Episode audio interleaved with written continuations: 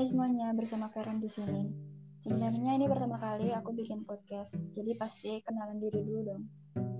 Nama aku Florentina Karen dari SMP Tarakanita 1, kelas 91, absen 8. Saya bikin ini tuh sebenarnya untuk tugas sekolah, tapi hal yang mau kita bicarain di sini itu untuk umum, jadi siapa aja boleh banget dengerin podcast aku. Di sini aku nggak sendiri, aku ditemenin sama sahabat aku. Kenalin diri dulu dong. Hai semuanya, kenalin aku sahabatnya Feren. Nama aku Shanti Purwanti Al-Andam dari SMP Tarakena 1, kelas 92, absen 30.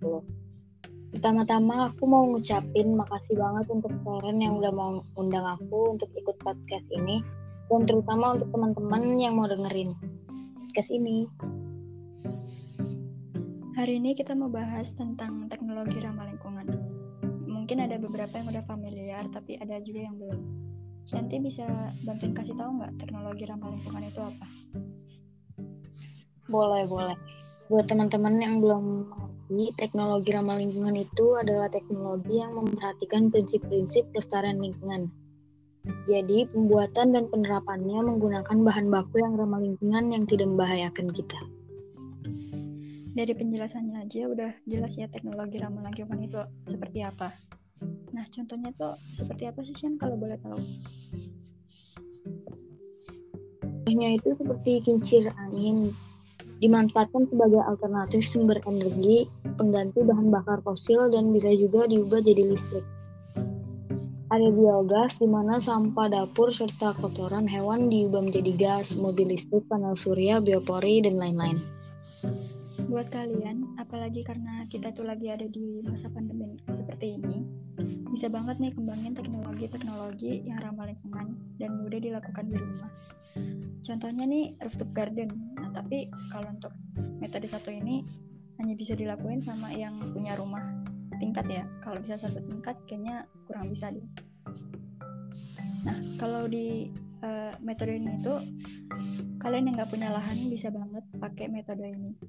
Tinggal sisihin sedikit tempat yang bisa dijadiin taman kecil di uh, atas rumah kalian misalnya kayak nanam tanaman tapi biasanya sih nanamnya di pot-pot ya jangan langsung nah dari beberapa contoh tadi tuh kamu udah ngelakuin apa aja sih San?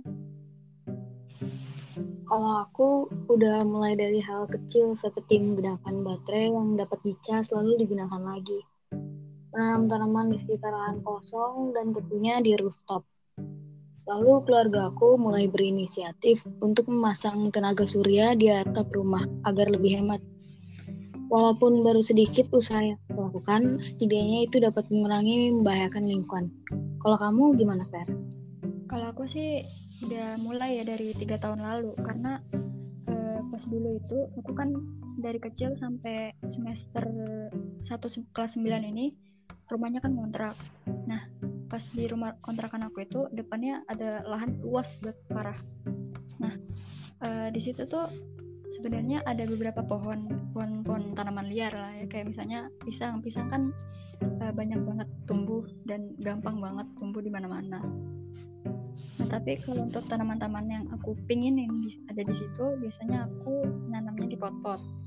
Nah, terus aku juga pernah bikin biopori dan sampai sekarang tuh masih bekerja. Karena kalau di sana itu setiap kali hujan deras kadang tuh suka suka aja ada genangan air yang gede. Padahal kan sebenarnya lahan luas itu pasti tanah dan tanahnya gembur. Jadi aku nggak tahu kenapa harus ada genangan. Nah karena ada genangan itu aku bikin biopori supaya airnya meresap lebih cepat. Nah cuma sekarang karena aku udah ada di rumah tetap rumah barunya tuh kecil dan apa lahannya itu juga nggak ada. Jadi aku sama mama aku milih buat nanam tanaman di lantai tiga tepatnya di tempat jemur pakaian alias aku pakai metode rooftop garden. Nah di rumah sana tuh aku pakai lampu LED bulat yang apa sih yang kalau uh, lampunya nggak nggak nggak nimbul ke dinding lah maksudnya. Kayak nempel sama atap gitu. Nah kalau lampu LED yang bulat ini uh, menurut research aku tuh ini tuh nggak boros energi sama sekali. Kalau misalnya lampu biasa kan paling satu lampu bisa untuk banyak uh, ruangan gitu kan jadi terang banget. Cuma karena terang itu jadinya boros energi. Nah kalau lampu LED kalau lampu LED itu biasanya butuh satu atau dua di satu ruangan. Cuma lebih hemat dan juga LED itu nggak terlalu redup nggak terlalu terang jadi pas banget hmm, banyak juga ya. Nah buat kalian yang dengerin ini bisa dicontoh pelan-pelan. Apalagi kita generasi muda jadi masa depan ada di tangan kita. Jangan males-malesan juga karena bumi ini tempat tinggal kita. Kalau rusak jangan marah karena itu kesalahan kita sendiri yang membuat bumi ini rusak. Makasih buat kalian yang udah mau dengerin kita bicara panjang lebar kayak gini. Mungkin ada beberapa yang bosen atau apa, tapi ya kita ngomong di sini tuh untuk mengedukasi, mengimbau, serta mengajak kalian-kalian untuk mau menjaga dan melestarikan alam mulai dari hal terkecil. Terima kasih dan sampai jumpa. Terima kasih.